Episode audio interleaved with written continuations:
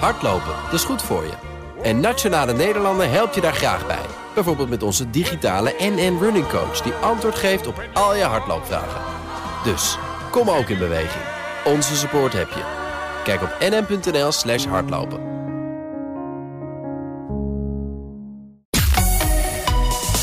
BNR Nieuwsradio. Bouwmeesters. Geert-Jan Haan. Jonge mensen die een huis willen kopen hebben steeds meer last van beleggers. Een stille ramp op de woningmarkt. De krapte op de woningmarkt breidt zich steeds verder uit. Er is op dit moment een tekort van ruim 300.000 woningen. De woninggekte die komt voorlopig toch niet tot een einde. Zelfs de huurmarkt zit inmiddels op slot. Het enorme woningtekort blijft jaren bestaan. Je bent jong, woont in een studentenhuis of nog thuis bij je ouders en je hebt bijna je studie afgerond. Het is dus tijd om op jezelf te wonen. Maar waar, in hemelsnaam?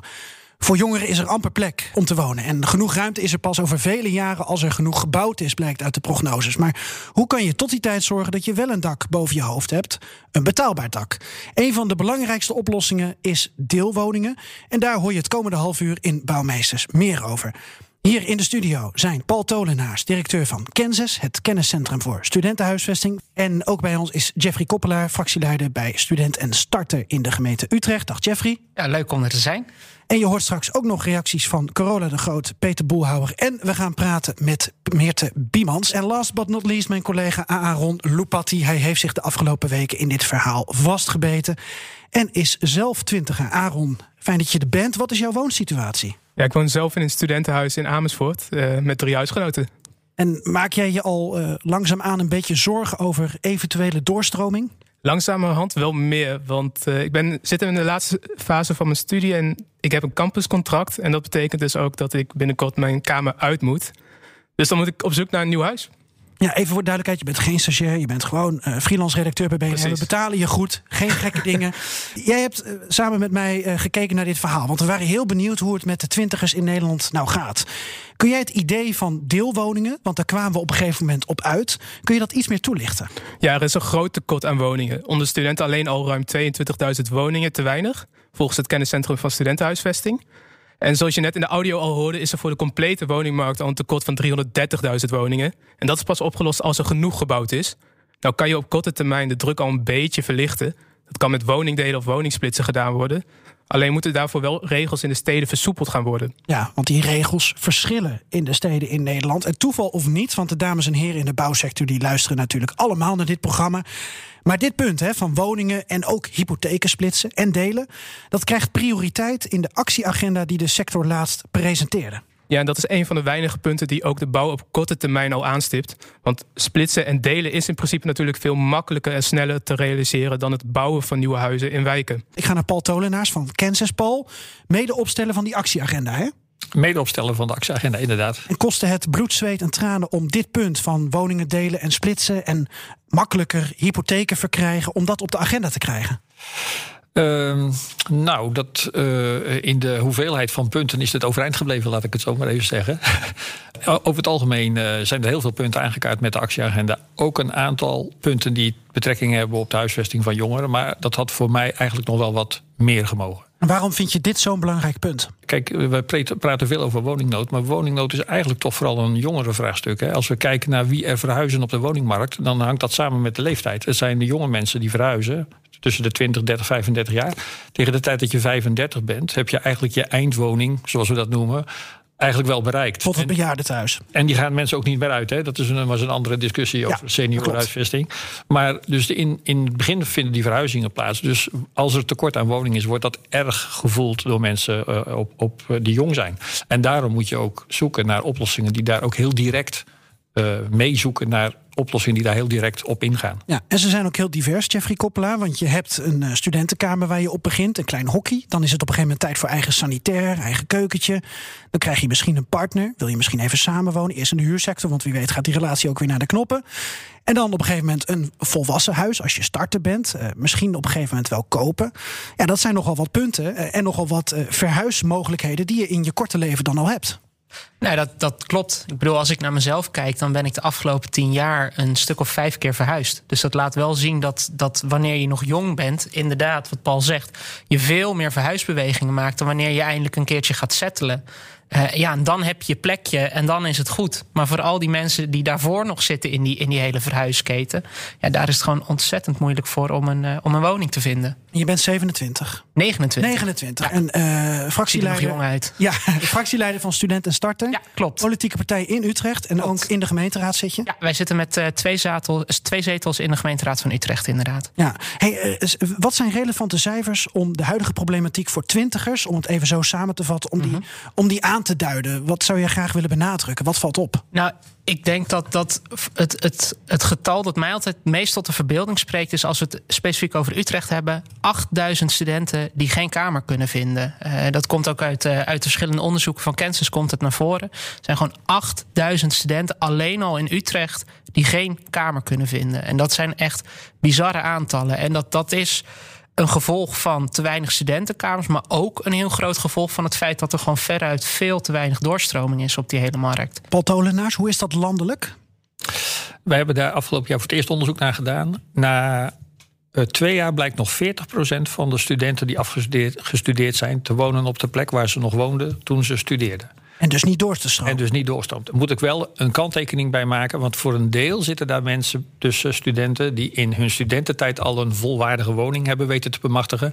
En die laten ze dan ook niet gauw achter. Want dat zijn natuurlijk altijd wel interessante steden om in te wonen. Maar als we het maar, over 8000 uh, uh, studenten hebben kort. in uh, Utrecht... waar het tekort aan is, dan is dat landelijk tienduizenden nee, waarschijnlijk. 22.000. 22.000, ja. En dat is nog, als we niks zouden doen, is dat nog groeiende. Want we verwachten dat de komende jaren het aantal studenten nog zal toenemen. Ja, en het gaat nog jaren duren tot er genoeg woningen zijn. Want er moet ook gebouwd worden. Er ja. moet ook wat gecreëerd worden.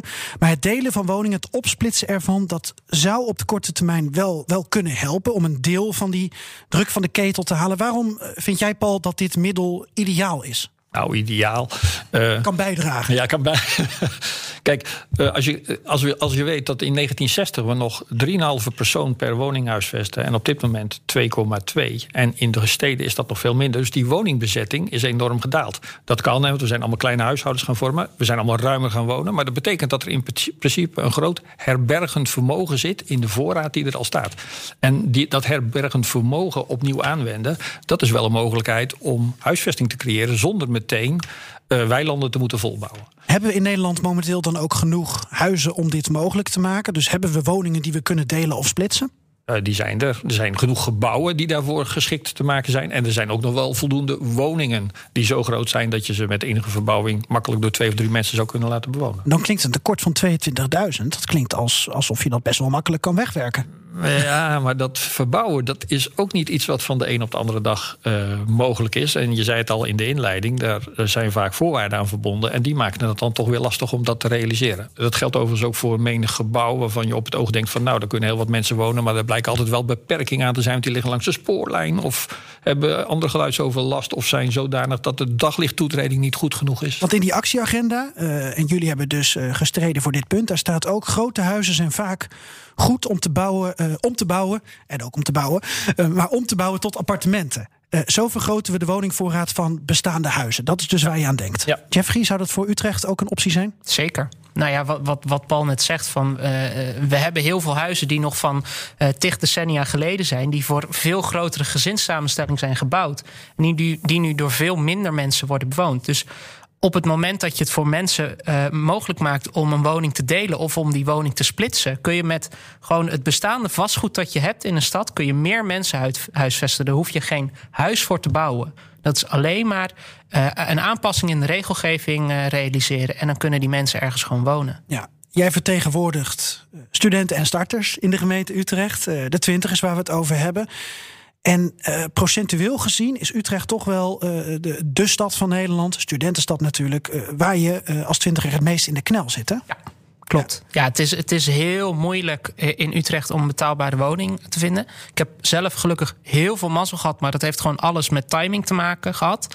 Maar uh, als jij uh, misschien een wat lager inkomen hebt en bent aangesproken op sociale huurwoning, nou dan moet je inmiddels 10 tot 12 jaar wachten voordat je je eigen woning kunt krijgen. 10 tot 12 jaar. 10 tot 12 dan jaar. ben ik geen twintiger meer. Nee, dat klopt. Uh, 10 tot 12 jaar moet jij ingeschreven staan. En nou, de campuscontracten, die werden net al even genoemd.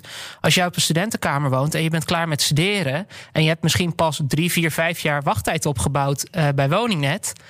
En je moet eruit vanwege je campuscontract. Nou, veel succes. Um, maar, maar jij gaat geen sociale huurwoning vinden. Niet, niet om cynisch te doen, maar uh, als ik nu uh, de volgende oproep zou doen. Ouders van Nederland, zodra je kind zes jaar oud is, schrijft hem of haar in bij de studentenhuisvesting in Utrecht. Want over twaalf jaar, als hij 18 is, wil hij studeren. En dan is er ook een ruimte. Nou ja, kijk, als we, als we elke ouder in Nederland dat laten doen, dan uh, lossen we nog niks op. Want dan hebben we alleen maar een inflatie van wachttijd. Dat werkt alleen als alleen jij het doet. Maar als jij het doet, als ik het doe en als alle andere gesprekspartners. En dan doe ik geen oproep meer. Nee, precies. Dus, dus dat zijn, uh, dat hoor je wel eens vaker, weet je wel, van die tips van, oh, schrijf je op tijd in. Maar ja, als iedereen dat doet, los je niks op. Je hebt gewoon woningen nodig. Dat is de oplossing. En dus denk jij aan bouwen, bouwen, ja. bouwen. Uh, je denkt aan woningdelen, woningsplitsen. En ook uh, hypotheken kunnen een rol daarin spelen. Hè? Als je met meerdere vrienden bijvoorbeeld een huis zou willen kopen. Dat is heel moeilijk. Toevallig, uh, is wel interessant, een oud collega van mij heeft vrij recent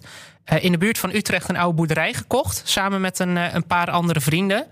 Uh, maar in de praktijk is het echt ontiegelijk moeilijk om, uh, als jij niet uh, bijvoorbeeld een, een, een, samenlevingscontract of wat dan ook hebt, of getrouwd bent, is het heel moeilijk om samen in aanmerking te komen voor een hypotheek. En volgens mij, als drie of vier vrienden zeggen van nou, wij willen heel graag hier in dat huis gaan samenwonen. We kunnen die lasten delen. Dat kunnen we ook gewoon financieel onderbouwen met ons inkomen. Ja, waarom maken we dat dan niet mogelijk? Waarom, waarom, waarom verplichten we het dan dat je per se een gezin moet zijn om ergens met meer dan twee personen samen te kunnen wonen? Dat vind ik heel raar. Paul Tolenaars van Kansas, dit heb je ook op de actieagenda gekregen, hè? Die hypotheek. De hypotheek staat er inderdaad ook op. Ja, en waarom vind jij het belangrijk dat dat makkelijker en toegankelijker kan worden gemaakt? Nou, omdat het bij kan dragen aan de oplossing uh, die Jeffrey net aangeeft. Dus dat, dat delen van de voorraad die er al staat. Overigens speelt dit ook in de huur, maar dan ziet het er anders uit. Maar dat is gewoon op korte termijn kan dat een belangrijke oplossing uh, uh, bieden aan het tekort wat er nu is. En wat je er ook in terugziet, dat vind ik ook wel belangrijk om op te merken. Het heeft ook wel te maken met welke, kwaliteit we mensen willen bieden als ze starten. En wat we zien is dat mensen soms genoeg nemen met een, ja, ik moet maar even lagere kwaliteit. Wat is lager? Je, je deelt de, de woning met, met meerdere mensen. Maar dat noemen we maar even dan een lagere kwaliteit. Maar mensen zijn daar best toe bereid om die stap te maken in het begin van ja. hun uh, wooncarrière. En dat zie je overigens studenten ook doen. Die willen dat ook best, hè, met elkaar een woning delen. Of alleen genoegen nemen met een kamer. En we zetten soms heel hoog in op kwaliteit die we met z'n allen moeten bewonen. En ik, ik hou, wil ook wel een pleidooi houden om ook bereid te zijn om daar een stap terug in te doen. Uh, om die start op de woningmarkt eigenlijk mogelijk te maken. Ja, goed punt. Uh, komen we zo nog over te spreken. Jeffrey, nog even. je strijdt op zich al wel langer voor dat het woningdelen en, en splitsen makkelijker wordt gemaakt. Hè? Vergunningsvrij bijvoorbeeld. Waarom is dat tot nu toe bijvoorbeeld voor Utrecht niet gelukt? Nou wat je heel erg merkt als je bijvoorbeeld naar de Utrechtse gemeenteraad kijkt, waar we natuurlijk over dit soort zaken moeten beslissen, uh, zie je dat een uh, uh, meerderheid van de gemeenteraad toch hele grote bezwaren ziet in het mogelijk maken om voor drie personen vergunningsvrij te wonen. Nu kan dat met twee personen. Er komt één persoon bij. Uh, maar dan uh, zien andere partijen meteen allerlei beren op de weg. Uh, ja, dat gaat ten koste van de leefbaarheid. En dan gaan, gaan straten en buurten en wijken die gaan verloederen. En dat is allemaal gebaseerd op een soort van irrationele angst dat samenwonende jonge mensen gelijk staan aan overlast. Uh, uh, weet je wel, ja, dan komen er meer fietsen op de stoep te staan. Ja, voor jou is een geparkeerde fiets overlast. Voor mij is een geparkeerde auto misschien overlast. Dus dat is allemaal zo relatief. En je merkt dat dat heel erg is ingegeven uit het belang van de mensen die er al wonen. Uh, terwijl ik heel erg probeer op te komen, juist voor dat belang van al die mensen die er nog niet wonen, maar dat plekje wel nodig hebben. BNR Nieuwsradio. Bouwmeesters. Geert-Jan Haan. Je luistert naar BNR Bouwmeesters, waarin wij met oplossingen komen zodat jongeren een dak boven hun hoofd kunnen krijgen in deze huizengekte. Dat doen we in een half uur. Het is ongelooflijk wat we allemaal kunnen. Bij ons in de studio zijn Paul Tolenaars, directeur van Kenses, het kenniscentrum voor studentenhuisvesting, Jeffrey Koppelaar, fractieleider bij Student en Starten in de gemeente Utrecht, en onze 22-jarige redacteur Aaron Lupatti. Aaron, we hebben het net gehad over woningdelen. Jij hebt gekeken hoe anderen hier naar kijken? Wat voor opvattingen er nog meer zijn? Vertel. Ja, ik sprak hier natuurlijk ook over met Peter Boelhouwer, hoogleraar woningmarkt van de TU Delft. In Nederland is hij natuurlijk de autoriteit op dit gebied. En hij is ook een enorme voorstander van woningdelen. Volgens hem is het een oplossing die ervoor zorgt dat je op korte termijn de druk op de woningmarkt al kan verlichten. Je hoeft dan geen uh, nieuwe woningen toe te voegen. Dat kost natuurlijk vrij veel tijd. En die woningen die staan er al. En zij komen vaak uit een situatie, uit de studentenkamer of vanuit huis, dat het ook nog best wel een uh, redelijk uh, alternatief is. Uh, je kunt de kosten kun je dan wat drukken. Ja, en je kunt de woningvoorraad gewoon veel efficiënter inzetten. En volgens Boelhouwen is het ook populair. Er worden micro-appartementen gebouwd hè, waar mensen ook gemeenschappelijke voorzieningen hebben. Nou, dat, die zijn heel populair. Dat kun je natuurlijk ook in woningen doen. Zijn corporaties, onder andere in Amsterdam, die die contracten aanbieden, hè, van die Friends-contracten. Uh, maar dat is nog steeds heel, uh, heel beperkt. En het is ook moeilijk om met z'n tweeën een hypotheek te krijgen. Dus de, de mogelijkheden zijn, uh, zijn bescheiden. Maar als het wordt aangeboden, dan zie je dat, uh, dat veel jonge starters daar toch gebruik van maken. Het probleem is dat vooral grote studentensteden dit fenomeen steeds moeilijker maken. Ja, in veel grote studentensteden is het moeilijker gemaakt. Rotterdam, Amsterdam, Den Haag, Eindhoven, Utrecht, zoals we net ook al uh, bespraken. En uh, dit is in Boelhouwer ook niet zo. Met name een aantal studentensteden die hebben de, zijn de verkamering tegengegaan in het kader van overlast. Nou ja, je hoeft het natuurlijk niet altijd aan studenten te verhuren. En je kunt het ook inderdaad enigszins spreiden. Uh, ja, het klopt. Het, het, wordt nu moeilijker gemaakt dan het was. En dat is jammer, vind ik. Jeffrey, uh, verkamering hoorde ik Peter Boelhouwer zeggen. We hebben het over woningdelen, woningsplitsen. Uh, wat is verkamering precies? Uh, verkamering is dat je een, een, bestaande woning neemt, bijvoorbeeld een gezinswoning, uh, en je een uh, omzettingsvergunning aanvraagt. Dat wil zeggen dat je dan het daarmee vergunningtechnisch mogelijk maakt om losse kamers in die woning te gaan verhuren aan bijvoorbeeld studenten of aan starters, aan expat. Dus dat heeft niet per se met twintigers te maken? Niet alleen met twintigers. Nee. Paul, Jeffrey had het net over die, die overlast. Die vaak uh, één op één wordt geplaatst met um, ja, uh, bijvoorbeeld woningen splitsen of woningen delen. Want dan komen er meer mensen in één huis, komen er meer mensen in een straat, in een wijk en dan wordt het drukker. Hoe kijk jij daarnaar? Nou ja, kijk, intensiever gebruik weer van die voorraad die er is, is altijd een probleem. Want er zijn mensen die aan de rust gewend zijn, om het zo maar te zeggen. Uh, en ja, het is ook zo natuurlijk dat de wet, ik zeg altijd, die wethouder die krijgt mensen op visite die alleen maar klagen over studenten. Er zijn weinig stadsbewoners die naar de wethouder gaan en zeggen van joh, ik heb zulke leuke buren, het zijn namelijk drie studenten. Dus het beeld wat al snel gevestigd wordt, is dat studenten dan problematisch zijn in hun woongedrag. Terwijl, nou ja, zeker bij het er zijn talloze voorbeelden waar dat uh, uitstekend gaat. En overigens is er ook wat aan te doen. Want zeker studentenhuisvesters zoals die lid zijn van Kansas, de corporaties... die hebben ook allemaal beheerders in dienst... die, ik zal maar zeggen, daar ook op toezien. Dus de, de leefbaarheid, zoals we dat dan aanduiden... van de omgeving van studentenhuisvesting... is gewoon ook een punt van aandacht voor de grotere verhuurders. Ja. Dus er is zeker wat ook aan te doen. Zeker te combineren. Collega Aaron Lopatti, wat zegt woningmarktspecialist Boelhouwer? Ja, hij denkt dat je hier ook een makkelijke scheiding in kan maken om zulke problemen te voorkomen. Je moet het, uh, het wel scheiden. Er is een verschil tussen uh, studerende jongeren die op een kamer wonen en echt mensen die uh, ja, gewoon zelfstandig werken en, en een woning delen. Dat is echt wel een verschil. Ja, en naast boelhouden zijn er ook anderen die voorstander zijn van het op deze manier gebruiken van bestaande bouw. De Landelijke Studentenvakbond wil ook graag dat de regels voor woningdelen versoepeld worden. Jort Lauw-Muns. Het is een groot uh, probleem, hè, omdat je eigenlijk ziet dat uh, steeds strengere regels. En uh, nou ja, bijna alle gemeentes in Nederland die ook een grote studentenbevolking hebben. Vaak zijn trouwens ook studenten die in deze, dit soort type woningen wonen. en wij hebben daar wel hele grote moeite mee. Er zijn natuurlijk enorme tekorten en, en studentenkamers. Dus als je dit soort regels oplegt, ja, dan maak je eigenlijk die tekorten alleen maar groter. Ja, de LSVB zegt natuurlijk wil je niet dat huisjesmelkers misbruik maken van het woningtekort. Uh, Daarom zijn er strenge regels, maar we moeten toch ook echt jongeren gaan huisvesten. En dan is woningdelen en splitsen gewoon echt een oplossing, met name voor die korte termijn, Aaron. Ja, en tot slot nog een reactie van de Woonbond, ja. de Landelijke Vereniging voor Huurders. Uh, die heeft onlangs laten weten hier ook voorstander van te zijn.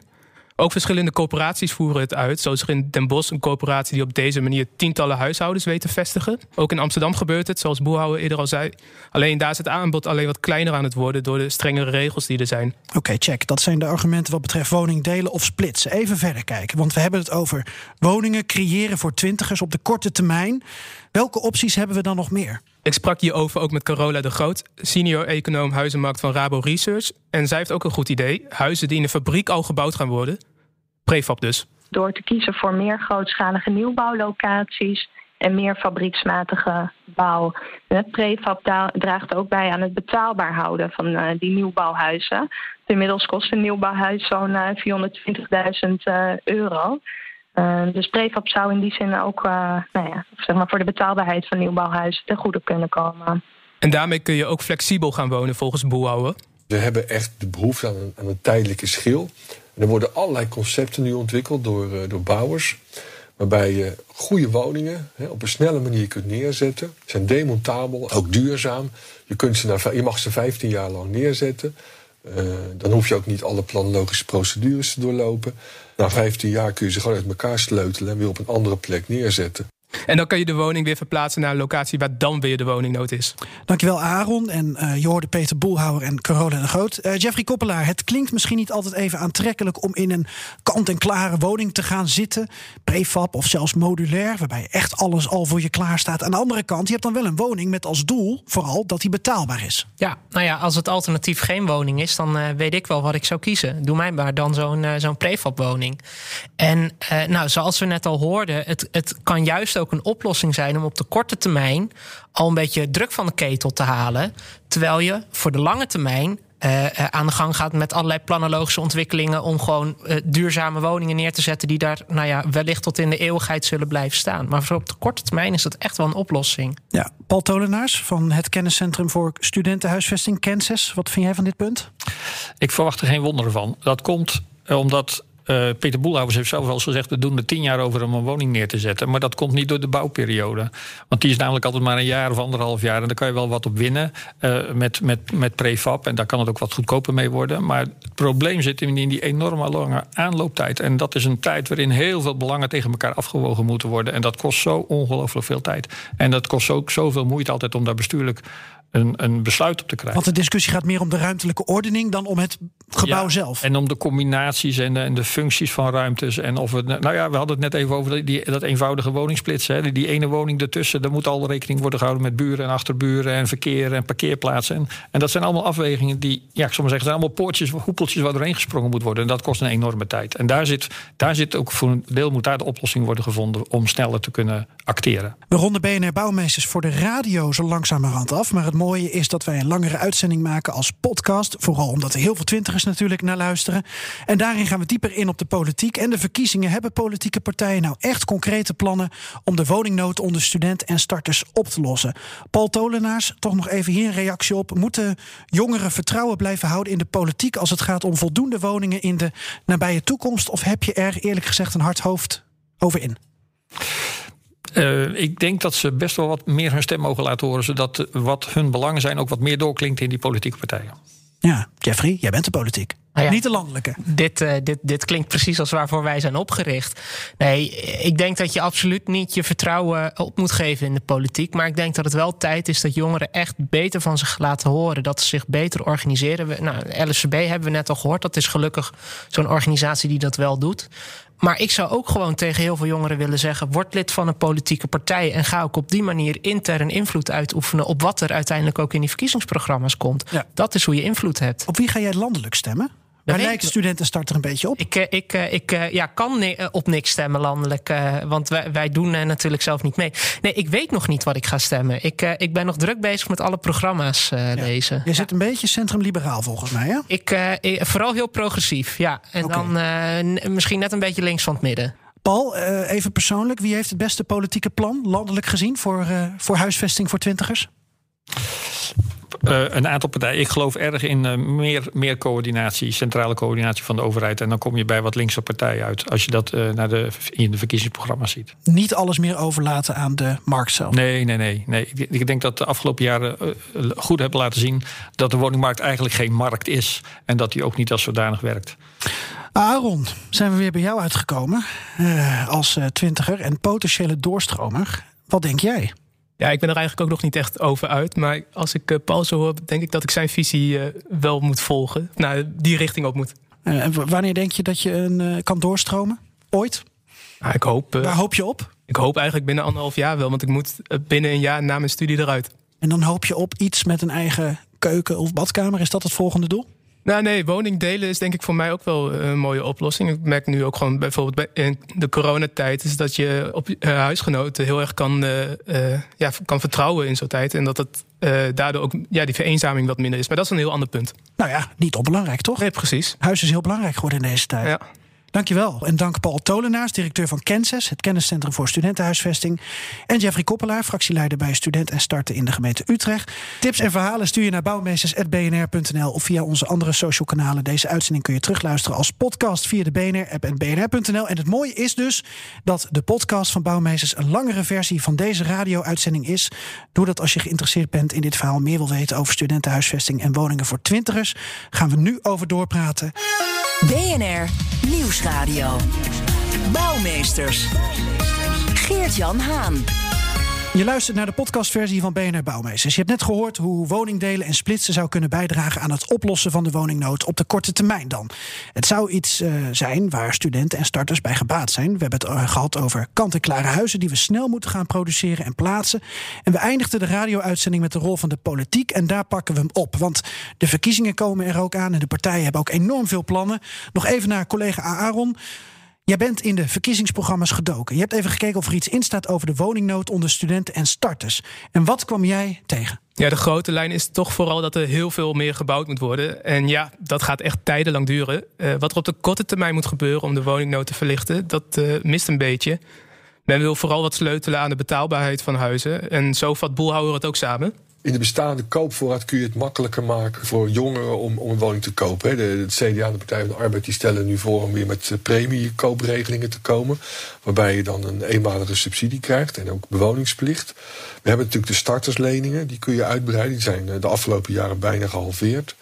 Je zou aan bouwsparen kunnen denken. Maar je kunt ook denken aan verlenging van de hypotheek. Waarom moet iemand een hypotheek voor 30 jaar? Je kunt hem ook voor 40 jaar afsluiten. Werkt toch allemaal langer. Nou, dat drukt ook je lasten. Starterspremies, hoorde ik. Contacten nu met Meerte Biemans, nummer 23 voor de Tweede Kamer van de PvdA. Heeft de PvdA ideeën voor de korte termijn? Ik hoorde al starterspremies, dat staat volgens mij ook in jullie programma. Is dat iets voor de Zeker. korte termijn? Dat is zeker iets voor de korte termijn. Ja, zie je, wonen is dus echt bij uitstek iets waarbij je ziet dat het is scheef gegroeid. Hè. De meeste twintigers, voor hen is een betaalbare woning gewoon buiten bereik geraakt.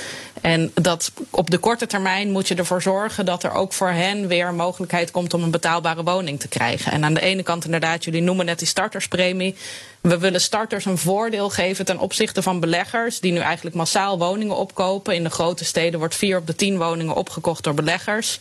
Om hen een voordeel te geven om zelf die woning te kopen door minder belasting te betalen dan beleggers en door een premie te krijgen om een eerste koopwoning te kopen. Jullie willen de financiële draagkracht voor jongeren, draagkracht voor jongeren vergroten. Da daar komt het op neer, toch? Zodat ze uiteindelijk aan het eind van die keten ook een huis zouden kunnen kopen.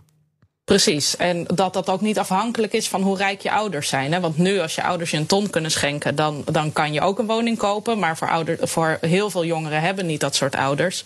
Dus we willen het eigenlijk voor alle jongeren mogelijk maken om op die manier ook aan een eerste koophuis te komen. Maar je ziet natuurlijk vooral dat jongeren zijn aangewezen op de veel te dure vrije sector huur nu. Waarvan de gemiddelde huur al 1140 euro in de maand is. Vaak ook nog eens met hele korte contracten. Dus waar jongeren op de korte termijn ook veel aan hebben, is als we zorgen dat die hele korte jaarcontracten stoppen. Hè, die maken dat je helemaal geen zekerheid hebt of je ergens wel kan blijven wonen. En door een verhuurvergunning in te voeren en te zorgen dat verhuurders zich houden aan de regels. En B, dat we ook de huren weer een relatie maken tot de kwaliteit van de woning die je huurt. Ik zag vandaag nog een nieuwsbericht over, uh, over woningdelen gesproken. Over woningen wordt dat dan genoemd. Dat is eigenlijk gewoon een slaapkamer uh, in Rotterdam in woontorens. Waar je dan de keuken en de woonkamer met anderen moet delen. En daar betaal je dan gewoon zo'n 1000 euro per maand voor als jongere. Kijk. Nou ja, daar heb je natuurlijk niks aan. Ik bedoel, tuurlijk, er zullen mensen zijn die het doen. Maar dat is alleen maar omdat er niks beters is. Dus dat moeten we echt reguleren om te zorgen uh, dat ook gewoon de bestaande voorraad betaalbaarder wordt, de woningen die er zijn voor jongeren. Oké, zo even een reactie hier vanuit onze studio van de gasten. Maar even nog meer te. Ja, we zitten voor verkiezingen. En ik snap wat je allemaal zegt. Maar tegelijkertijd, elke vier jaar kijken we ook terug op hoe het is gegaan. En dan denken we van goh. Waren dat nou holle frazen? Had dat niet anders uitgepolderd kunnen worden? Hoe kan je nou echt blijven strijden en ook in resultaat omzetten waar je voor staat? Nou ja, dat, je moet gewoon, er moet gewoon nu echt iets aan die woningnood gebeuren. En ik zie ook echt wel dat er steeds meer partijen zijn die dat willen. Wij hebben het meest vergaande plan als het gaat om volkshuisvesting en betaalbaar wonen. Maar er zijn er echt wel veel partijen die nu zien dat het hele halleluja, de markt gaat alles oplossen. Dat dat toch echt wel heeft gefaald. Dus ik denk dat we de komende jaren echt gaan zien dat de politiek weer meer gaat doen als het gaat om wonen en volkshuisvesting en zorgen dat er woningen gebouwd worden. En ik denk dat je moet er vol ingaan. En tegelijkertijd blijven we natuurlijk een coalitieland. Kijk, en zolang de VVD de grootste is, de VVD is nu de enige die in hun verkiezingsprogramma niet gaan investeren in woningbouw. Ja, dan heb je natuurlijk een probleem. Maar goed, kijk, dat, dat is aan de kiezers op wie ze stemmen. Oké, collega Aaron uh, Lupatti. Ja, ik uh, sprak uh, Carola de Groot nog even over die statusleningen en die Mhm. premies. Um, zij zegt juist dat dat niet gaat helpen. Je vergroot de problematiek dan juist. Op het moment dat je de financiële mogelijkheden verruimt, middels een uh, jubelton, middels luim, ruimere leennormen, middels het schrappen van de overdrachtsbelasting, dat dat uiteindelijk, zeg maar, het resulteert niet in meer woningaanbod. Dus dat vertaalt zich in een uh, sterkere druk op uh, de toch al uh, forse huizenprijzen. Ja, meer financiële ja. draagkracht betekent dus dan ook dat je meer kan bieden voor een huis of dat er meer gevraagd wordt voor een huis, Meerte? Ja, daar hebben we natuurlijk over nagedacht. Want dit is algemeen bekend. Hè. Als je de hypotheeknormen verruimt, wat, wat ook de afgelopen jaren heel veel is gedaan, dan worden vooral huizen duurder. Maar als je ervoor zorgt dat een starterspremie er alleen maar is als je een woning onder de 270.000 euro uh, koopt en als je die ook terugbetaalt op het moment dat je je woning met winst verkoopt, dan is dat prijsopdrijvende effect heel minimaal. En dan zie je ook dat er juist een, een prikkel van uitgaat naar de markt toe om ook weer die betaalbare woningen te gaan bouwen. Als je kijkt naar het afgelopen jaar, toen zijn er gewoon nagenoeg geen betaalbare koopwoningen gebouwd. En als je op deze manier zorgt dat daar meer vraag naar is en er dan dus ook een prikkel is voor, voor bouwers om dat te gaan bouwen, denk ik dat het juist een positief effect gaat hebben op de beschikbaarheid van betaalbare woningen. Jeffrey Koppelaar, fractieleider bij Studenten en Starten in de gemeente Utrecht. In hoeverre kan je meegaan met het verhaal van uh, Meerte Biemans? Nou ja, tot, tot op zekere hoogte. Er zijn wel een, een, paar dingen waar ik een beetje op aansloeg. Uh, nou, bijvoorbeeld net die 270.000 euro. Dat, dat als je een woning uh, wil kopen die goedkoper dan dat is, dan, dan kom je er dus voor een aanmerking. Ja, de gemiddelde starter in Utrecht heeft daar echt niks aan. Die heeft ook niks aan de NAG, hè? Die heeft ook niks aan de NAG, want die woningen zijn gewoon bij ons niet koop die kun je echt op één hand tellen als je op Funda gaat kijken. En dat, dat, dat is echt gewoon heel, heel droevig. En ja, in het verlengde daarvan, eh, toch iedere keer als er dit soort uh, maatregelen worden getroffen of worden voorgesteld, heb ik heel erg het gevoel dat je inderdaad alleen maar hè, die, die, die vraagkant stimuleert. Dus je pompt er nog meer geld in, die vervolgens weer die prijzen gaat opdrijven. Terwijl je juist aan die aanbodkant moet je wat doen. Uh, nou, ik heb ook goede dingen gehoord over hè, het, het reguleren, bijvoorbeeld van de huurmarkt. Ik denk dat dat ook een heel goed alternatief is. Want waarom willen zoveel mensen kopen? Omdat ze een dief van een portemonnee zijn als ze blijven huren. Terwijl als je gewoon een goed gereguleerde huursector hebt, kan huren een heel interessant alternatief zijn voor het kopen van een woning. Dus dat zijn denk ik de richtingen waar ik in zou zoeken. Inderdaad. Maar jij zei net uh, in de radio-uitzending dat jij eigenlijk een beetje. Je bent, je bent uh, uh, lid, fractieleider van een progressieve lokale partij. Uh, een beetje links van het centrum. Dan kom je toch bij de PvdA uit. Dan zouden jullie toch met elkaar eens moeten zijn? Nou, er zijn wel ja, veel. Zijn er ook. jullie zijn het allebei eens met een maar. Okay. We zijn het eens. Ja. Jeffrey eerst en dan ja. Meerte. Nee, ik denk, ik denk dat er heel veel uh, verwantschappen zijn. Maar ik denk dat tegelijkertijd. Um, wij misschien wat, ja, het is een rotterm, maar misschien wat meer out of the box durven te denken. En wat misschien nog ingrijpend. Ik bedoel, ik zal niet ontkennen, de PvdA heeft ook zeker landelijk. Uh, doen ze heel veel goede ingrijpende voorstellen. Maar ja, ik, niet in alles zie ik een oplossing. En dan is bijvoorbeeld zo'n zo'n starterspremie. Ja, ik zie daar niet zoveel in. Oké, okay, nog even een korte reactie. Dan ga ik naar Paul Tolenaars. Ja, Jeffrey heeft helemaal gelijk als hij zegt dat het aanbod het allerbelangrijkste is. Hè? Dus we moeten gewoon de komende jaren echt gaan bouwen, bouwen, bouwen. Maar het is niet alleen maar belangrijk om te bouwen, maar het is belangrijk om te zorgen dat er betaalbare woningen gebouwd worden. Want in Utrecht bijvoorbeeld worden nu allemaal studio's van drie ton gebouwd in het stationsgebied, die geen starter kan betalen natuurlijk. En we, willen, we vinden eigenlijk dat iedere gemeente ook verplicht moet worden om een bepaald percentage aan betaalbare woningen te bouwen. Uh, en daar willen we als uh, overheid vinden we ook dat we daarin moeten investeren. Want wonen is in die end gewoon een fundamentele levensbehoefte waar waarbij we er met elkaar ook voor moeten zorgen dat iedereen dat kan betalen. Dus we moeten aan de ene kant dat aanbod vergroten.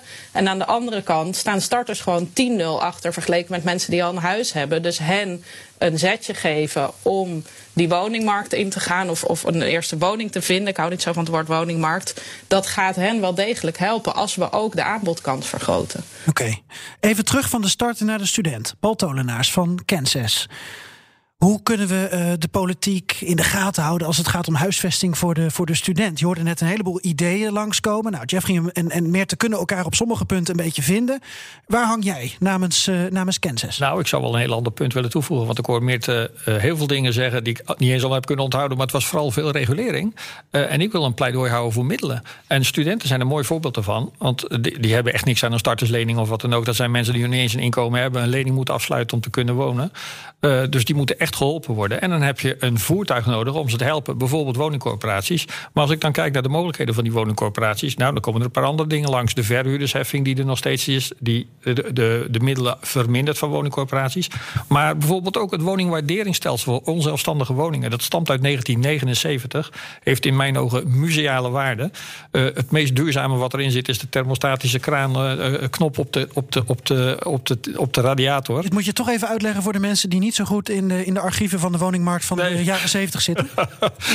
nou ja, het woningwaarderingsstelsel is een reguleringssysteem waarmee we de prijs en kwaliteit uh, met elkaar in uh, overeenstemming brengen, om het zo maar te zeggen. Maar dat ja. is in de jaren, uh, eind jaren 70 ingevoerd en in de loop van de jaren een aantal keren bijgesteld, omdat de wereld verandert, ook de kwaliteit verandert. Maar dat is voor kamers, voor onzelfstandige woonruimte, nooit gebeurd.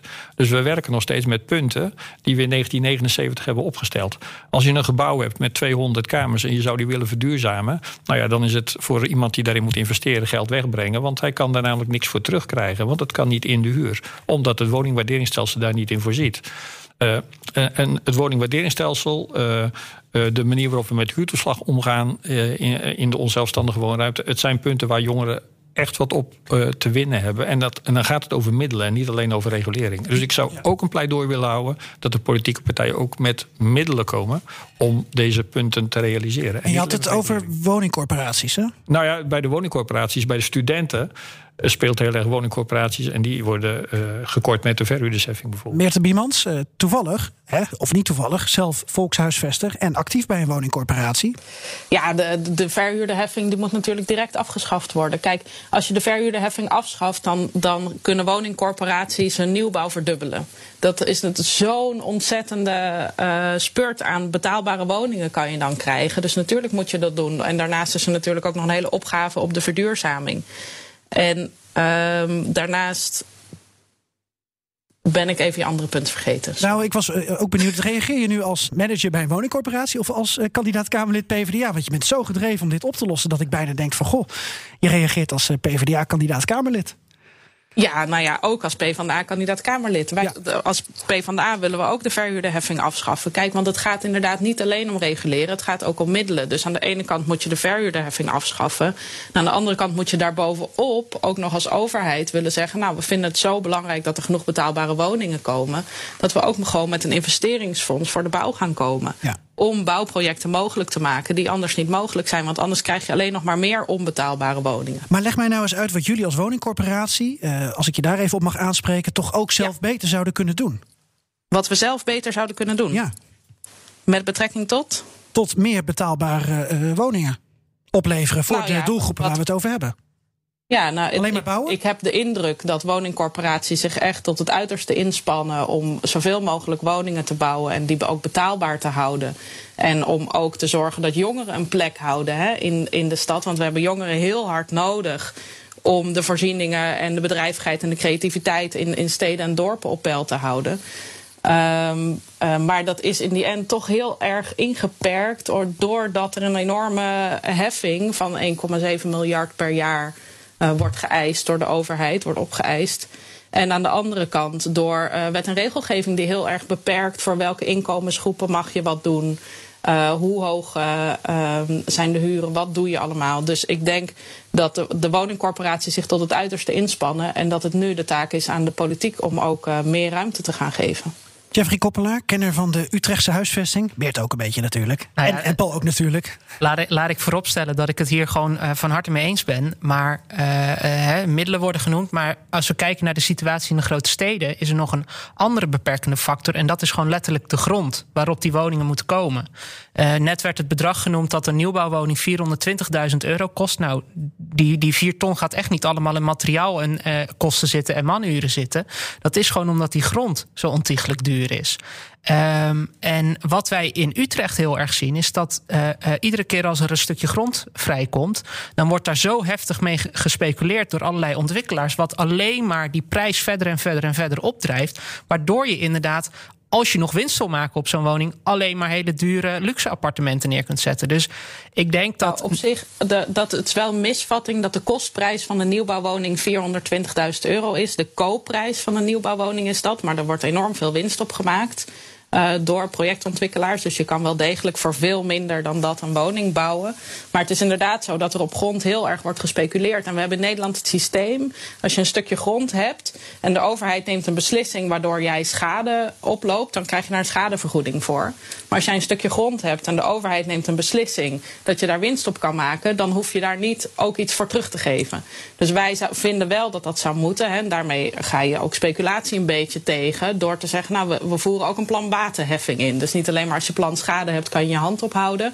Maar als je veel baten hebt, dan kan je ook iets teruggeven aan de gemeenschap. Jeffrey, je wilde je antwoord nog even ja, aanvullen? Nou, nou ja, het, het, het, het, laatste punt dat ik wilde maken is dat wat wij ook heel erg bepleiten, is dat je als gemeente dus ook gewoon veel meer regie pakt in hoe je met die grond omgaat. Nou, dat noemen we met een duur woord noemen we dat dan actief grondbeleid. Dat betekent gewoon dat je als gemeente zelf grond koopt. En vervolgens ook de complete zeggenschap hebt over uh, wat er gebeurt met die grond. En dus inderdaad heel veel aanvullende eisen kunt stellen aan een ontwikkelaar om ergens betaalbare woningen te bouwen. Ja, Paul Tolenaars, nog iets aan te vullen op dit punt? Of zullen we het ook nog even over de huurtoeslag hebben? Dat is ook een heel interessant punt. Ja, want ja. Uh, uh, jij had het over middelen. En uh, het is nu zo dat de meeste jongeren tot 23 jaar geen huurtoeslag ontvangen. Ja, wel een huurtoeslag ontvangen, maar een huurtoeslag voor die categorie. En dat is een verminderde huurtoeslag. Exact. En dat moet dus anders. Nou ja, dat is, dat is natuurlijk best wel. daar zit wel een punt van discriminatie in. Het is denk ik ooit ingesteld in een tijd dat op de woningmarkt er nog goedkope woningen te vinden waren. En je dus inderdaad de mening kon hebben dat als je jong was, je nog niet in de beste woning van de woningmarkt hoeft te wonen. En dat je dus zou moeten kunnen kiezen voor een wat mindere, die wat goedkoper is. En daar dan de bijpassende huurtoeslag bij. Maar ik heb laatst nog even nagekeken. Als je tot 23 jaar heb je een huurtoeslag en je kan er een woning voor en je zoekt daar een woning bij. 14% van de woningen, van de huurwoningen, van de sociale huurwoningen, hebben nog maar een huurprijs waar je toegang toe hebt met die huurtoeslag. Als je okay. onder de 23 jaar bent. Dus nou ja, een snelle student, zeg ik wel eens, hè, die op zijn 18e begint, op zijn 22e met zijn campuscontract uh, uit zijn kamer moet. Ja, die kan eigenlijk nog niet eens de gewone woningmarkt op, omdat hij beroep moet doen op maar een heel klein deel van de voorraad, die over het algemeen ook heel erg bezet blijft. Dus die is ook niet iedere keer beschikbaar. Dus ik vind het heel raar dat we nog steeds die 23-jaarsnorm in de huurtoeslag hebben zitten. Want ik vind dat best wel discriminerend naar ja. met name jongeren toe. Jeffrey? Ja, je ziet ook dat die huurtoeslag eigenlijk een hele perverse prikkel is voor ontwikkelaars. Als we het hebben over studenten en starters. Om uh, allemaal hele kleine uh, studiootjes te bouwen. Die dan voor nou, 720 euro, ik weet even niet op de cent af wat nu de, de aftoppingsgrens is. Ja. Om allemaal studiootjes te bouwen precies op die huurprijs. Zodat huurders vervolgens met huurtoeslag toch een betaalbare huur kunnen betalen. Dat is gewoon misbruik van het systeem. Maken dat is misbruik van het systeem. Want of... uiteindelijk is het de belastingbetaler die eigenlijk de zakken van zo'n ontwikkelaar uh, aan het vullen is. Uh. Ja. Overigens wel huurders van 24, 25, 26, 27 jaar. Ja, hè? dat, dat gaat dan om de, om de, om de oudere ja. studenten en de starters inderdaad. Maar we zien dat er de afgelopen jaren heel veel van dat soort studio's zijn gebouwd die eigenlijk onbetaalbaar zijn. Nou, dan heb ik liever dat we meer onzelfstandige woningen bouwen. Meerte Biemans, even reageren op dit punt. Huurtoeslag? Ja, je ziet eigenlijk dat we hebben op heel veel dingen die grens op 23 liggen. Hè. Er is ook een. een uh, Dan begint het echte leven, Meerte, dat is toch zo? Nou ja, voor heel veel jongeren natuurlijk niet. Dat begint dat gewoon veel eerder. Weet je, de, de uh, bijstand, als je jongere bent, is maar 250 euro per maand. Dat is natuurlijk absurd. Daar kan niemand van leven. En we hebben ook nog een, een uh, jeugdloon. Wat je ook pas krijgt als je boven de 21 bent. Dat was ook vroeger 23. Ja, dat, dat is gewoon voor mensen die niet allemaal hulp van hun ouders kunnen krijgen. Uh, ja, is dat gewoon echt achterhaald. Dus daar moeten we ook van af. Hey, maar ik wil nog wel iets zeggen, want jullie, in, in jullie uh, eerdere gesprek ging het heel erg over woningdelen en woningsplitsen. Hè? Daar zijn we nu uh, nog niet op teruggekomen. Maar ik denk dat ook een belangrijk punt is voor veel jongeren. Uh, die misschien niet zo snel naar BNR Nieuwsradio luisteren, uh, want die ouders hebben die een uitkering ontvangen, is de kostendelersnorm. Dus we hebben in Nederland een soort systeem bedacht dat als jij uh, op een gegeven moment volwassen bent, dan wordt je vader of moeder gekort op de bijstand als je thuis blijft wonen. En je ziet dat dat een enorm effect heeft gehad op de dakloosheid onder jongeren. Uh, maar ook op huishoudensverdunning. Hè, dus dat, dat minder mensen in een huis gaan wonen. En ik denk wel dat het belangrijk is dat we op dat nationale niveau ook gaan kijken naar hoe stimuleer je samenwonen in tijden van woningnood. In plaats van dat je het ontmoedigt. Dus ik denk dat buiten, hè, dat, dat ik ook echt wel zie dat er mogelijkheden zijn voor woningsplitsen en woningdelen. Het ook goed is om daarbij te kijken naar wat voor andere perverse prikkels heb je allemaal die ervoor zorgen dat mensen niet gaan samenwonen, maar juist apart van elkaar gaan wonen. En hoe kan je die perverse prikkels eigenlijk oplossen? Ja, maar dat begint toch ook uh, voor een deel waar we het eerder over hadden bij het. Ik noem het even een frame of een, een stereotype beeld van dat het samenwonen van meerdere jongeren uh, of meerdere mensen die dan geen relatie met elkaar hebben uh, in één huis en dat dat tot stand komt door het delen of splitsen van woningen, dat dat um, voor overlast zou zorgen. Dat is een soort frame en dat zal in sommige gevallen misschien wel zo zijn, maar we willen ook met z'n allen dat de leefbaarheid uh, blijft, beter wordt in de stad. Ik pak hem nu even heel breed, hè, zoals je hoort. Maar um, uh, al met al, we moeten toch ook van bepaalde denkbeelden af, waardoor dit punt, maar ook het punt dat jij maakt, eigenlijk dus uh, veel ruimer geïnterpreteerd wordt. Ja, nou ja, en ik denk ook dat het makkelijker wordt voor gemeenten om daar, ruim, om daar soepeler in te zijn op het moment dat we bijvoorbeeld een verhuurvergunning zouden invullen, invoeren. Dus op het moment dat je tegen verhuurders zegt, nou, iedereen krijgt van onze vergunning, maar als je misdraagt omdat er bijvoorbeeld veel overlast is, of omdat je huurders intimideert, of omdat je stelselmatig te veel huur vraagt of te veel mensen in een woning laat wonen die daar niet voor geschikt is, dan wordt je vergunning uh, ingetrokken. Maar is dat niet iets vanzelfsprekends? Als ook een soort van handhavingsinstrument om daar waar het de spuigaten uitloopt. Ook, de, uh, ook te kunnen handhaven naar verhuurders toe. En dan kan je ook eerder toestaan. Nou ja, we, we staan ook wat vaker toe dat een woning aan meerdere personen wordt verhuurd. En we stellen daar niet aan, aan de voorkant al heel veel uh, eisen op. Nee, nee in, in, mijn ogen is dat vanzelfsprekend. Omdat ik denk, als je je misdraagt, uh, in wat voor rol dan ook, dan krijg je een boete. Dus heb je een vergunning en je misdraagt je, dan wordt die vergunning gewoon ingetrokken. Dat lijkt me gewoon een normale gang van zaken. Uh, maar ik snap je punt. Paul Tolenaars nog even aanvullen? Ja, ik, ik hoor Mette net iets interessants zeggen. Die maakt namelijk een stapje naar het sociaal domein. Toen het even ging over die woningdelen, wat was het, woningdelenskorting. want dat is iets waar, waar ook direct aan gewerkt kan worden. De, de werelden zijn soms heel erg gescheiden.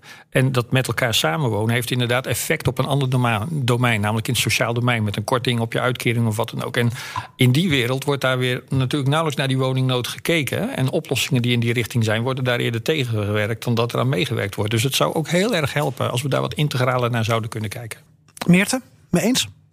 Ja, en woningdelen, wat je net uh, al aanstipte, waar wij het eerder in de uitzending over hadden. Woningdelen, woningsplitsen in het algemeen. Uh, of bijvoorbeeld voor, voor studenten om op de korte termijn voor meer betaalbare huisvesting te zorgen. Daar ben jij dus in principe wel voorstander van? Ja, kijk, we hebben in Nederland gewoon relatief veel grote woningen. En steeds meer mensen die alleen of met z'n tweeën wonen. Dus dan vind ik het logisch om ook te kijken naar woningsplitsen. Uh, of woningdelen. Maar het blijft wel aan de gemeente om lokaal te kijken: past het nog in deze straat? Of, of hoe kunnen we er hier het beste mee omgaan in verband met de leefbaarheid?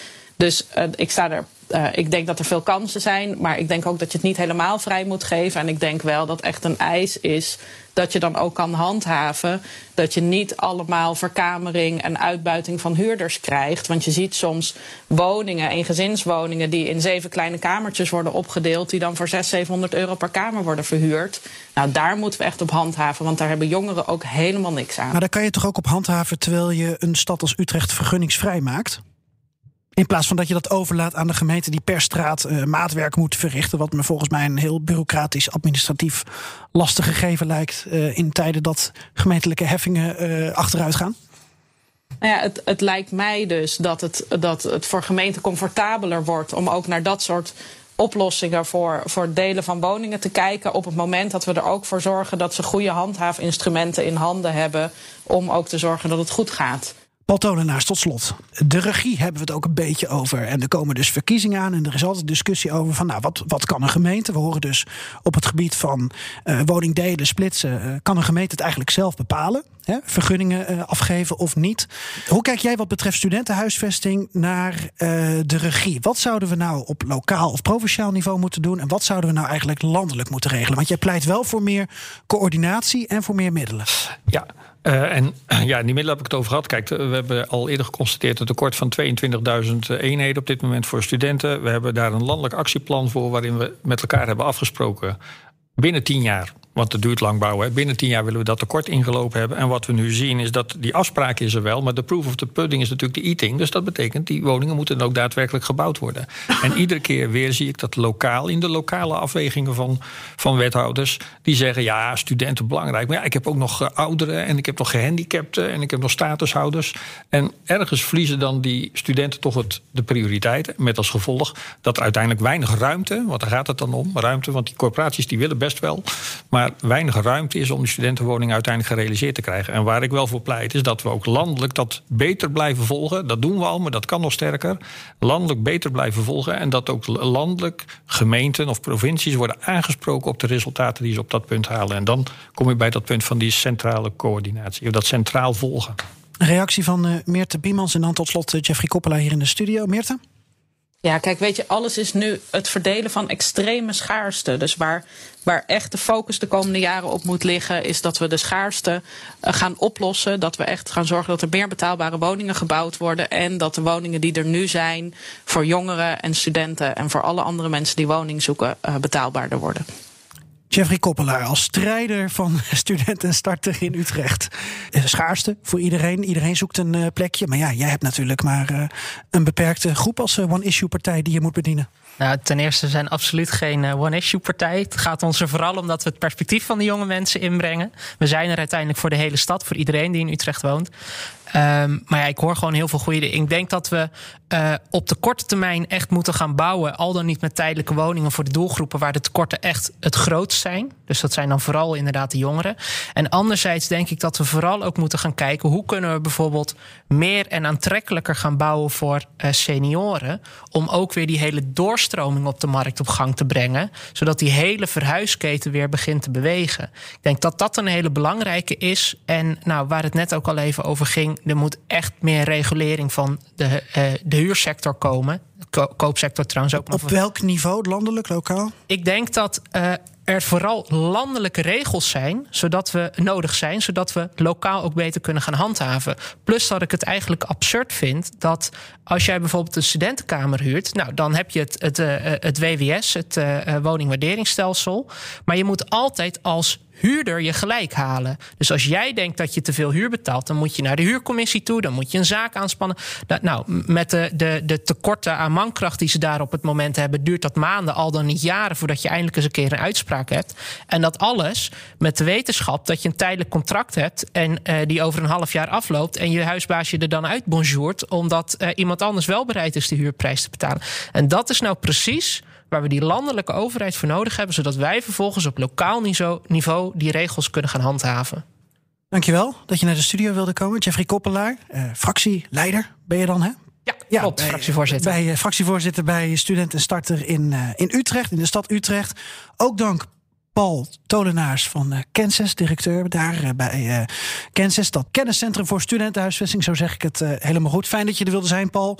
En ook grote dank aan Meerte Biemans, kandidaat-Kamerlid voor de PvdA. Plekje 23, hè Meerte? Ja, zeker. En het ja. zou toch mooi zijn als er weer een volkshuisvester in de Kamer komt. Nou, precies, dat wou ik zeggen. Want ook werkzaam bij een woningcorporatie en uh, weet dus waar ze over praat. Dankjewel dat je wilde meepraten. Ook dank Carole de Groot en Peter Boehouwer. En ook dank aan collega Aaron Lupatti. En je luisterde dus naar BNR Bouwmeesters, naar een podcast. Uh, een vervolg van een radio-uitzending. En wil je ons nog een keer terugluisteren, dan kan dat natuurlijk. De BNR-app en bnr.nl, die heb je al gevonden natuurlijk. En daar kun je ook uh, kijken naar ons mailadres bouwmeesters.bnr.nl voor tips en verhalen. Dank nogmaals aan mijn gasten. Ayato. Hardlopen, dat is goed voor je. En Nationale Nederlanden helpt je daar graag bij. Bijvoorbeeld met onze digitale NN Running Coach... die antwoord geeft op al je hardloopvragen. Dus, kom ook in beweging. Onze support heb je. Kijk op nm.nl slash hardlopen.